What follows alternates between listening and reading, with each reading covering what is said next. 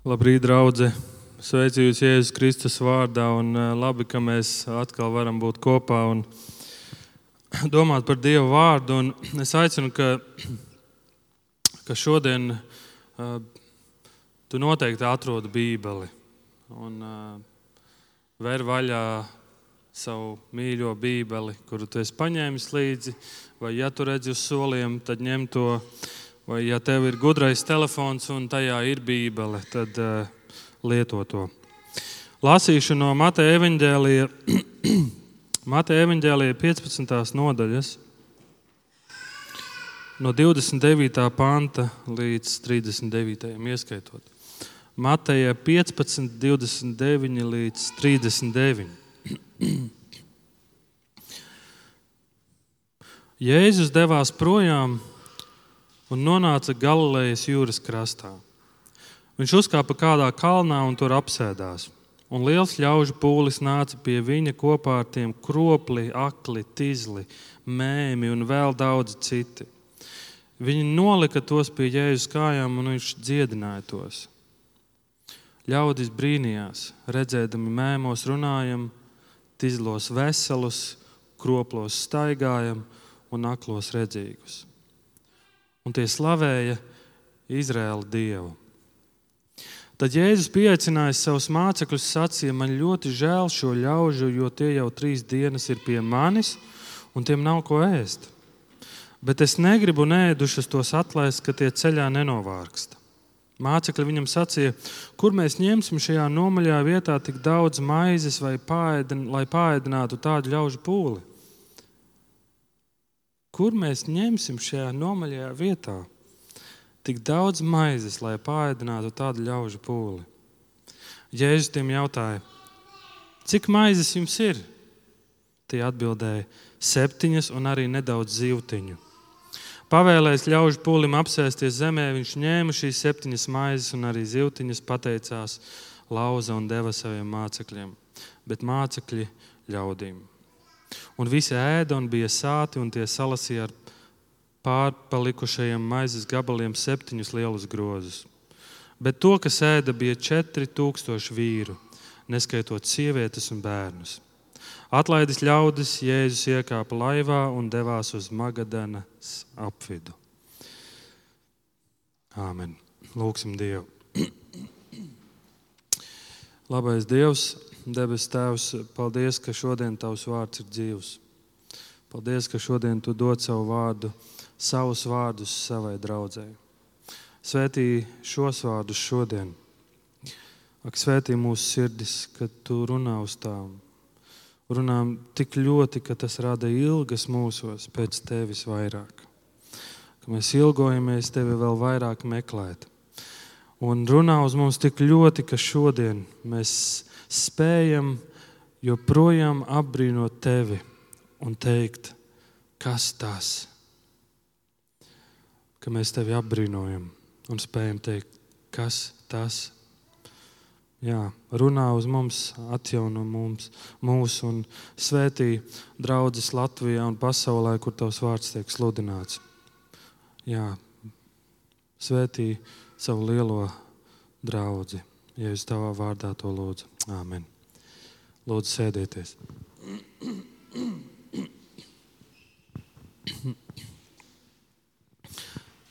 Vai tu esi pāēdis šodien? Vai tev izdevās pāriet garšīgas brokastis? Un vai tu esi pāriedis? Mēs iesākot šo dievkalpojumu, mēs jautājām, Arvis mums lika jautāt šo jautājumu, kas ir tavs mīļākais ēdiens un kāpēc šāds jautājums? Es lasīju, ka vidēji cilvēks patērē 35,000 stundas no savas dzīves tikai ēšanai. Visā savā dzīves laikā 35,000 stundas ir tikai tavai ēšanai. Un vidēji sanāk, tie ir astoņi gadi no tavas dzīves, kur katru dienu tu velti 12 stundas, lai ēstu. Iedomājieties, astoņus gadus pēc kārtas, dienā 12 stundas. Kādiem tas ir vairāk, kādiem mazāk, bet vidēji. Un tas nozīmē, ka savā dzīves laikā mēs apēdam ļoti daudz. Bet tā problēma ar ēšanu ir tā, ka neilgi pēc tam, kad mēs esam pāēduši, mums atkal gribas ēst. Kādam tas ir ātrāk, kādam tas ir vēlāk, bet mums atkal gribas ēst. Un tā realitāte ir tāda, lai cik arī mēs, arī, lai cik mēs baudītu ēdienu, lai cik tas mums būtu vajadzīgs, tas spēja apmierināt mūsu izsalkumu tikai uz dažām stundām. Un es domāju, vai tāpat nav ar mūsu dzīvi, kad šis apmierinājums ir tāda īsa pieredze. Neatkarīgi no tā, ko tu nopērci, vai ko tu sasniedz, cik tu nopelni, cik tu saņem.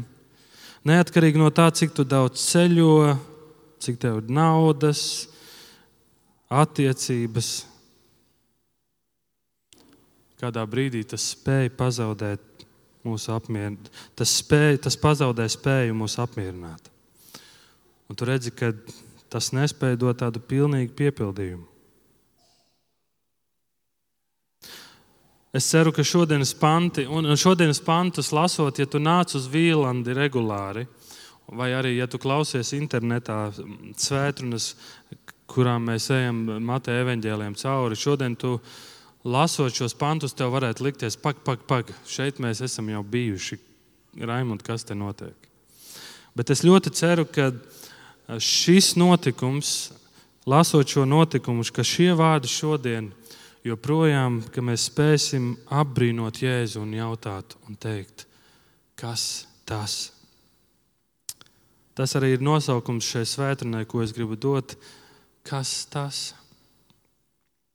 Dieva mērķis, Dievs, tas mērķis, kāpēc Dievs nāk, mērķis, kāpēc Jēzus Kristus tiek sūtīts, ir, lai mūs atbrīvotu un lai mēs spētu dzīvot īstā pielūgsmē.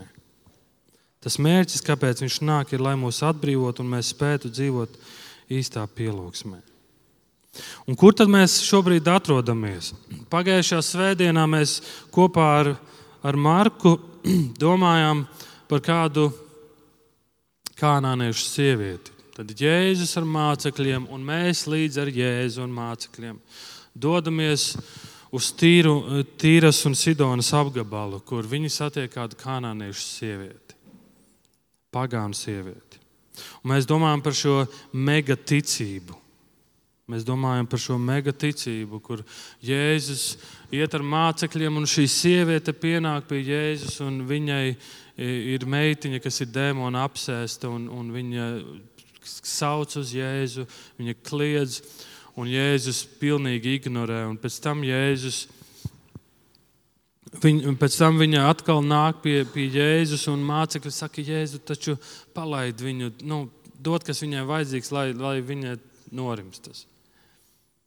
Un viņa nāk un saka, palīdz manai meitai, palīdz man, manai meitiņai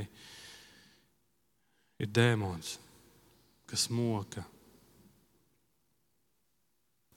Un Jēzus šajā brīdī, un tas varētu būt interesants jautājums, sāk runāt par maizi. Un viņš, sāk, un viņš saka, nepieklājas to maizi, kas bērniem paredzēta dot suņiem. Bet šī sieviete ir neatlaidīga. Un, un, uh, un viņa ir kā tāds labs māceklis. Jūdiem bija tāda paraža. Lai, notur, lai tu izturētu testu, tev jāspēj atbildēt uz skolotāju jautājumu ar pretjautājumu. Un šī sieviete turpina un saka, bet sunīši ēd no druskām, kas nokrīt no kunga galda. Un mēs redzējām šo Jēzus abrīno šīs sievietes lielo ticību, šo mega ticību. Un viņas vajadzība tiek apmierināta. Un pēc tam Jēzus dodas ar mācekļiem tālāk, un mēs lasām, viņš dodas uz, kur viņš dodas, viņš dodas uz Galilejas jūras krastu. Marka evanģēlijā 8. nodaļā šis pats notikums aprakstīts, un tur ir rakstīts, viņš dodas uz, uz dekapoli. Dekapoli ir, dekapoli ir nozīmē desmit pilsētas. Tas ir tāds apgabals, kas sastāv no desmit pilsētām. Viņi dodas uz šo vietu, un šī ir vieta, kas ir pagānu teritorija. Jēzus savus jūdu mācekļus ņem uz pagānu teritoriju. Jēzus pats jūtas būdams, dodas uz pagānu teritoriju. Un, un viņš ņem mācekļus, jo katrā vietā, kur Jēzus dodas, viņš grib kaut ko iemācīt. Un katru reizi, kad viņi dodas uz pagānu teritoriju, tas mācekļiem nav ērti. Viņi mazliet pat nobijušies. Viņi domā, ko mēs te darām. Mēs lasām rakstos un saprotam, ka ir citādāks ķēniņš, kurš nāks. Bet Jēzus, mēs lasām šajos pantos, Jēzus nāk pie pagāniem. 29. pants Jēzus uzkāpa kādā kalnā un tur apsēdās. Vai tas šķiet kaut kas pazīstams? Man tas atgādina kalnu svētru, un kad Jēzus pirms teica eh, kalnu svētru, un viņš apsēdās kalnā un māca. Un Jēzus tur apsēdās, un mēs lasām, ka pie viņa pienesa daudzus slimos, kropli, akli, tīzli, mēmi un daudz citi. Tie tiek nolikti pie jēzus kājām, un visi tiek, tiek dziedināti. Iespējams, Jēzus mācīja. Un Jēzus ļoti daudzus dziedināja. Un tur bija liels ļaužu pūlis. Un 31. pantā mēs lasām, un ļaudis brīnījās. Viņi brīnījās. Un jūs zināt, un, un tur panta beigās rakstīts, un tie slavēja Izrēla dievu. Interesanti, kāpēc Matejs raksta šo vārdu Izrēla dievu. Dekapola ir pagānu reģions, kurā ir ļoti daudz elku dievi. Herakls, Zeus, um, un, un daudz citi. Uh, Artemīda vai Ašēra, es šobrīd neatceros precīzi. Daudzi elki ir šajā vietā. Cilvēku mājas ir piepildītas ar elkiem. Naudas dievs, um, auglības dievs, veiksmes dievs. Um, varas dievs un, un kādi tik dievi tur nav. Un šie ļaudis nāk pie Jēzus, viņi klausās Jēzus mācībā, viņi piedzīvo Jēzus dziedināšanu. Un ziniet, kas notiek? Viņi slavē Izraēlu Dievu. Viņi slavē Izraēlu Dievu. Un tā ir pirmā lieta, ko es gribu, lai mēs ievērojam, ka tad, kad nāk Jēzus, viņš izmaina situāciju reģionā. Tad, kad nāk Jēzus, viņš izmaina dzīves, viņš izmaina veselas tautas. Un tas, ar ko viņš sāk, viņš izmaina, viņš nomaina pielūgsmes objektu. Tad, kad nāk Jēzus mūsu dzīvē, viena no pirmajām lietām, ko viņš dara, viņš izmaina pielūgsmes objektu. Viņi pielūdz un viņi slavē Izraēla Dievu. Un tas ir Jēzus mērķis. Kad Jēzus nāk, Jēzus mērķis ir, lai mūsu pielūgsmes objekts mainās. Mēs nepielūdzam vairs sevi, mēs nepielūdzam citus dievus. Lai elku dievi tiek iznīcināti mūsu dzīvē, un lai mēs pielūdzam vienu vienīgo patieso Izraēla dievu. Elkdievība vispār ir liela tēma. Bībelē elgdievība, elgdievība tiek minēta vairāk kā 700 reizes. Jonas 2,8 rakstīts, kas pie nīcīgiem elkiem vēršas, noliedz žēlastību. Kas pie nīcīgiem elkiem vēršas, noliedz žēlastību. Un Jēzus Kristus nāk un viņš dod, un viņš grib dot žēlastību. Bet, ja tavā dzīvē ir elki, tu noliec šo žēlstību. 1. korintiešiem 10.14. Tādēļ, mīļotie, bēdziet no elku pielūgšanas. Bēdziet! 1. Jāņa 5.21. Bērniņi, sargieties no elkiem! Sargieties no elkiem! Un tā ir pirmā lieta, ko Jēzus dara. Viņš maina mūsu pielūgsmes objektu. Un mēs redzēsim vēlāk, kāpēc. Mācītājs Tims Kellers saka, elki, mūs, elki kas mūs vada, ir sarežģīti, daudzslāņaini un lielā mērā slēpti no mums. Elki ir viltīgi, viņi ir sarežģīti, viņi ir daudzslāņaini un lielā mērā slēpti no mums, ka mēs reizēm pat nepamanām, ka mūsu dzīvē ir elki, kurus mēs pielūdzam. Un tad mēs domājam, kas ir tas, kas traucē man pielūgt mūsu Dievu.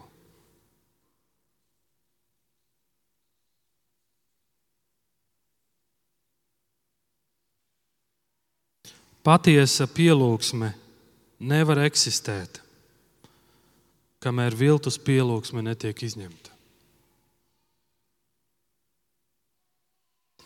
Patiesa pielūgsme nevar eksistēt, kamēr viltus pielūgsme netiek izņemta.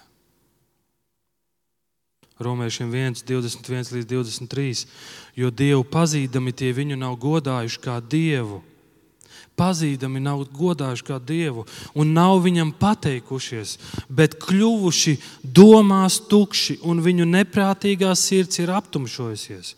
Apgalvodami, ka ir gudri, tiek kļuvuši muļķi un aizvietojuši neiznīcīgā dieva godību ar iznīcīga cilvēka un putnu un četrkājaiņu un rāpuļu līdzībā darinātu tēlu.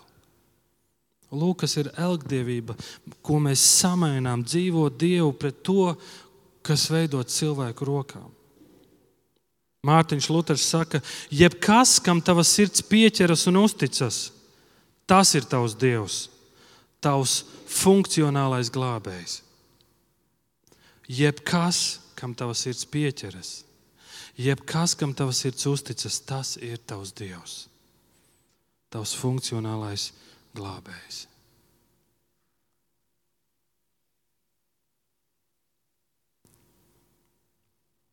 Jēzus nāk un viņš maina pielūgsmes objektu.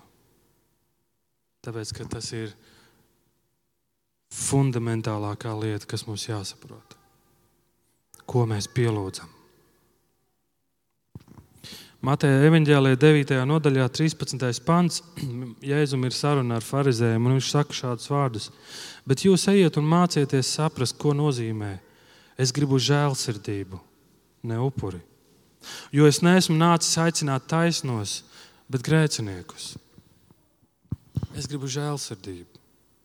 Un, lūk, mēs esam kopā ar Jēzu, ar mācekļiem, un esam šajā reģionā, kas ir pagānu reģions. Mācekļi skatās Jēzum līdzi, viņi baidās sašmulēties, viņi baidās kļūt uh, nešķīsti.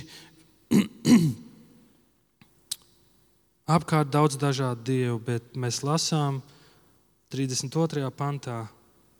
Tad Jēzus pieaicināja savus mācekļus, sacīja, Man ļoti žēl šo ļaužu, jo tie jau trīs dienas ir pie manis, un tiem nav ko ēst. Bet es negribu nēdušus tos atlaist, ka tie ceļā nenovārkst. Iespējams, mums ir tāda deja vu sajūta. Mēs nesen bijām un kopā šeit Vīlandē domājam par 5000 pārādināšanu. Un, ja tu lasītu šos abus notikumus, tu pamanītu tik daudz līdzības, un tev liktos,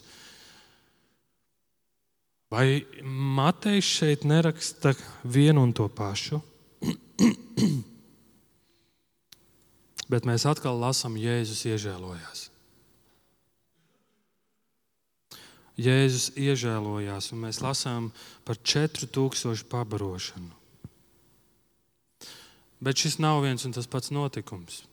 5000 cilvēki, vīri, tur aptuveni varēja būt 20,000 tie jūdi.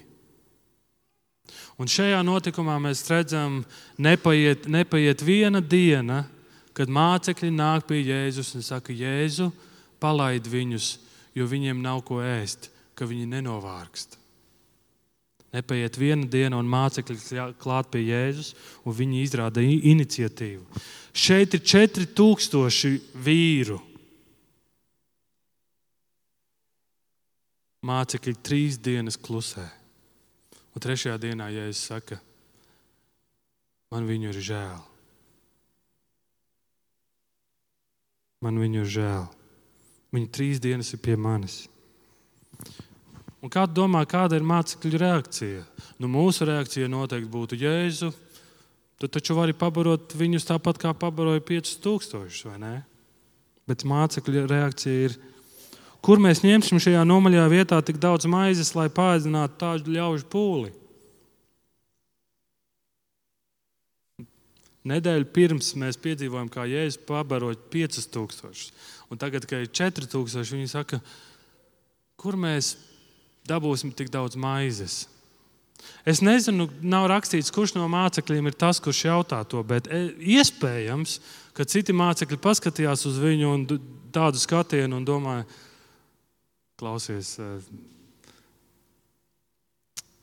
tu neatceries. Bet visdrīzāk visi mācekļi to domāja. Un Jēzus jautājums ir tas pats, kas pie pieciem tūkstošiem. Viņš jautā, cik maizes jums ir? Un iedomājieties, pēc tam, pēc kādiem, pēc kādiem laikiem, kad mācekļi kopā ēda, kopā maltīti, viņiem noteikti bija tāds jociņš. Cik maizes tev ir? Tu atceries, ja es jautāju, cik maizes tev ir? Bet iespējams, ka mācekļi negaidīja, ka Jēzus šajā reģionā pie šiem cilvēkiem darīs to pašu brīnumu ka viņš pabaros šos cilvēkus. Šie panti parāda tik daudz, šie panti parāda, ka Jēzus ir tik praktisks, ka Jēzus nav kaut kāds tikai garīgais tēls kristietībā. Viņš ir tik praktisks, ka viņš zina mūsu mīsīgās un praktiskās ikdienas vajadzības. Viņš to zina. Viņš pazīst cilvēkus. Bet viņš caur šo vienmēr grib kaut ko parādīt.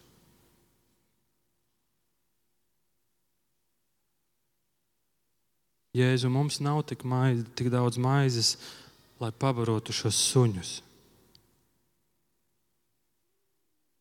Bet Jēzus pavēla cilvēkiem apsēsties, ņēma maizes, pateicās pārlauza, deva saviem mācekļiem, bet mācekļi ļaudīm. Tu zini, ko nozīmē, ja jūtas ēd kopā ar pagānu? jūtas kļūst nešķīsts. Un tas ir tas, kas viņus biedē. Un šeit Jēzus iežēlojas, un viņš dod saviem mācekļiem, viņš saka, ejiet un jūs dodiet tālāk. No mazuma viņš rada kaut ko tādu, ka visi ir pāēduši un sāti. No mazuma Jēzus rada kaut ko tādu, ka visi ir pāēduši un sāti. Un pēc tam Mateja 28. nodaļā mēs lasām pantus. Jēzus saka, man ir dota visa vara debesīs un virs zemes, tādēļ ejiet un dariet par mācekļiem visas tautas. Visas tautas.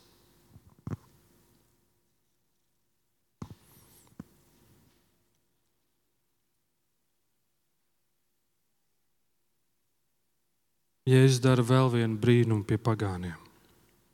Un ko mēs no tā varam mācīties? Ko Jēzus māca mācekļiem, kad mācekļi uz to skatās, un ko viņš māca mums, kad mēs esam kopā ar mācekļiem un kopā skatāmies? Ka no drupačām sunīši tiek pabaroti. Tur ir sieviete, par ko mēs domājam pagājušā svētdienā ka no drupačām viņas vajadzība tiek apmierināta un viņas meitiņa ir dziedināta. Pēc tam Jēzus nāk uz šo Galilejas reģionu, un, un Jēzus dod maizi, un daudzi tiek dziedināti. Daudzi tiek dziedināti. Maize, kas dziedina, maize, kas atver acis maize, kas ļauj dzirdēt, maize, kas liek mēmējiem runāt, maize, kas kroplos dziedina.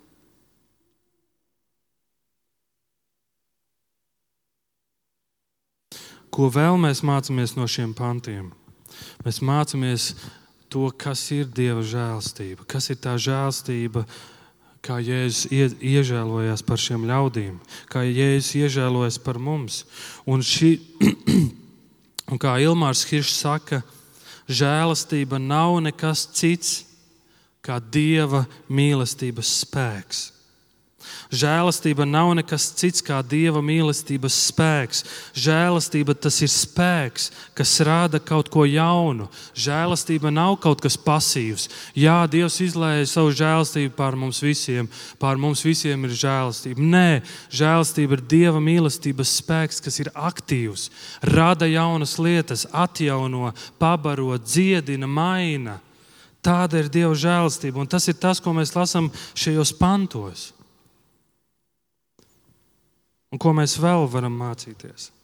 Jēzus atkal un atkal no jauna parāda, es esmu dzīvības maize. Viņš ir dzīvā manna no debesīm, ko mums tik ļoti vajag. Otrā mūža 16. nodaļā mēs lasām notikumu par dieva tautu Izrēlu, kurai tiek dota maize no debesīm. Atcerieties! Un viņš šo tautu, šo ēdienu nosauc par mannu.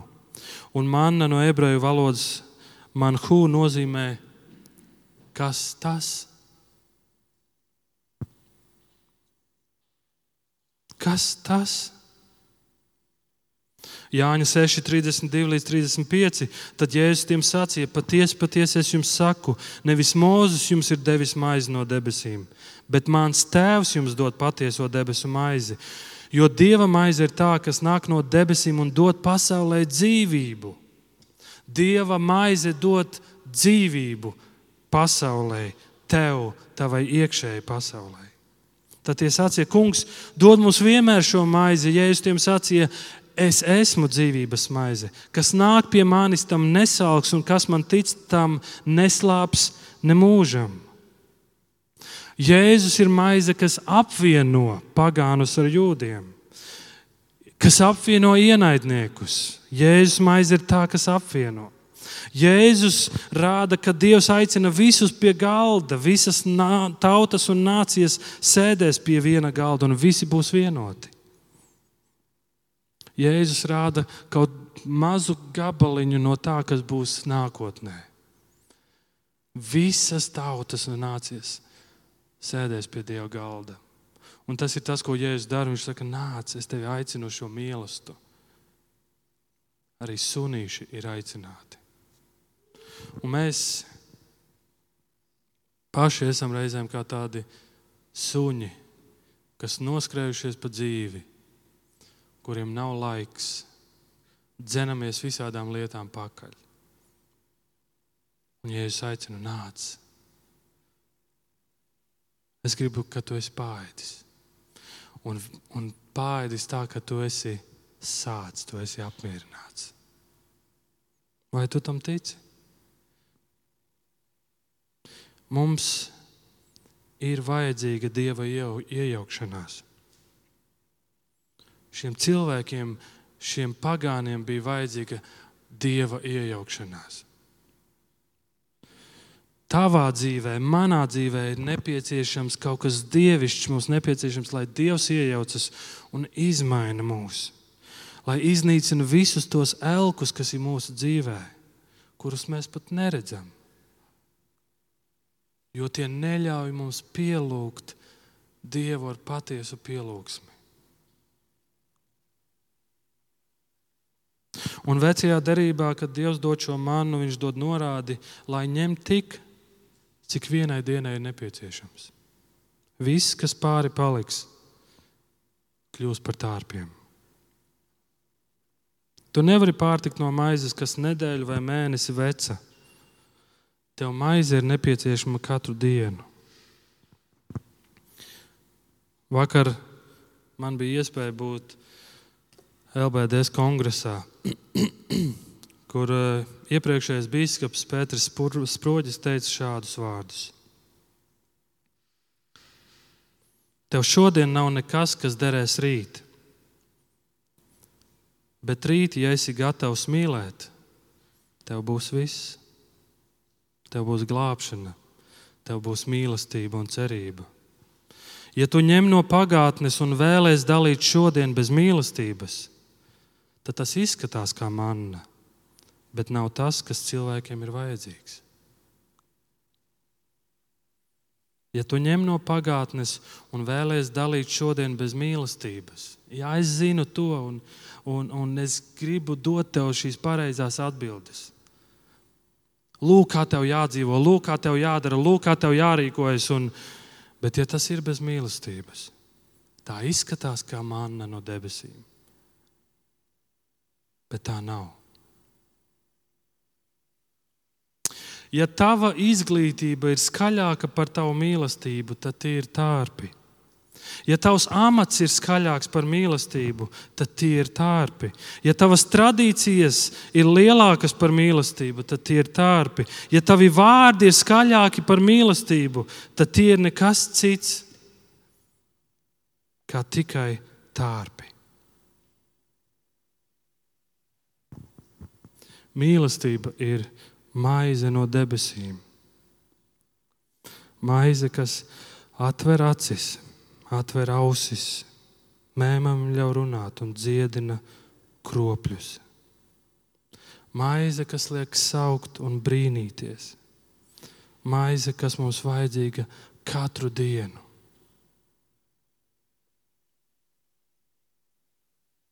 Jēzus ir šī maize no debesīm kas mums vajadzīga katru dienu. Mēs apkārt redzam situācijas, draugus, laulības, ģimenes, mūsu radus, sāpes, ciešanas, problēmas, nežēlīgs maizes deficīts. Un tu, jē, un tu redzi, tur ir vajadzīga šī dieva iejaukšanās, ka viņš dod šo dzīvības maizi, kas tevi pabaro tā, ka tu esi pāēdis un tev pietiek. Šī sieviete ar mega ticību iejaucās un darīja visu, kas viņas spēkos, lai kaut kas mainītos. Māce, kas stāvēja klusu, Ko tu darīsi, lai iestātos par citiem, kuriem trūks šī maize? Un varbūt tev pašam tavā ikdienā trūks šī maize. Nedzīvo uz vecu maizi, bet ēd katru dienu svaigu, jaunu maizi, kas tev liek teikt, man hu, kas tas? Maize, kas tev liek brīnīties, apbrīnot un teikt, kas tas? Tas tie brīnumi, ko Dievs dara, ir brīnišķīgi un lieli. Bet to, kas ēda, bija 4000 vīru. Visi viņi ēda un viņi bija sāti, viņi bija paēduši.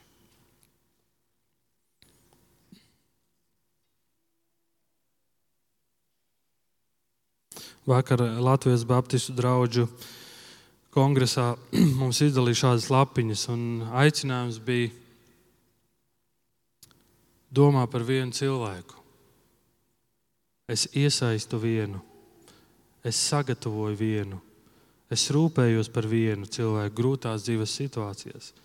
Mūsu draudzene atbalsta vienu jaunu kalpošanu, un mūsu draudzene sūta vienu cilvēku vai komandu draugu dibināšanā vai ārmisijā.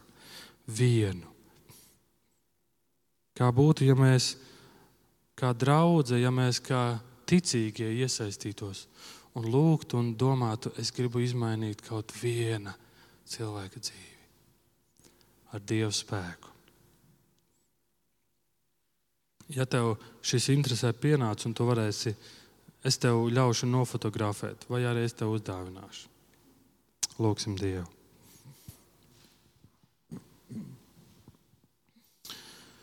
Jēzu, mēs tev pateicamies par tavu vārdu. Un mēs pateicamies, ka tu esi šī dzīvības maize, kas mums vajadzīga katru dienu. Jēzus ļoti lūdzu, maini mūsu pielūgsmes objektu, ka mēs esam patiesi tavi pielūdzēji, ka mēs pielūdzam tikai tevi un visus elkus, kas mūsu dzīvē, attīri mūs no tiem. Lai mūsu pielūgsme ir patiesa, īsta, ka mēs esam pilni ar tevi, ar tavu garu, ar tavu vārdu. Piepildīti, pilni, lai mēs varētu šajā dzīvē dzīvot un būt apmierināti un saprast, ka piepildījums ir tevī. Un es ļoti lūdzu, dod mums maizi katru dienu. Un palīdz mums katru dienu, palīdz man. Un palīdz mums ikvienam, ka mēs katru dienu saucam uz tevi un sakam, dod mums sevi. Dod mums šo dzīvības maizi, dod mums savus vārdus. Tik daudz, cik vienai dienai vajadzīgs ka mēs mācāmies ēst katru dienu tik, cik tas mums nepieciešams. Mēs pateicamies par Tavu vārdu. Mēs lūdzam par iejaukšanos mūsu dzīvēm, mēs lūdzam par iejaukšanos mūsu ģimenēs, starp mūsu radiem, draugiem, iejaukšanos mūsu valstī Mēs lūdzam iejaukšanos pasaulē. Mēs lūdzam iejaukšanos mūsu draudzē. Jēzus Kristu. Tavā vārdā. Amen.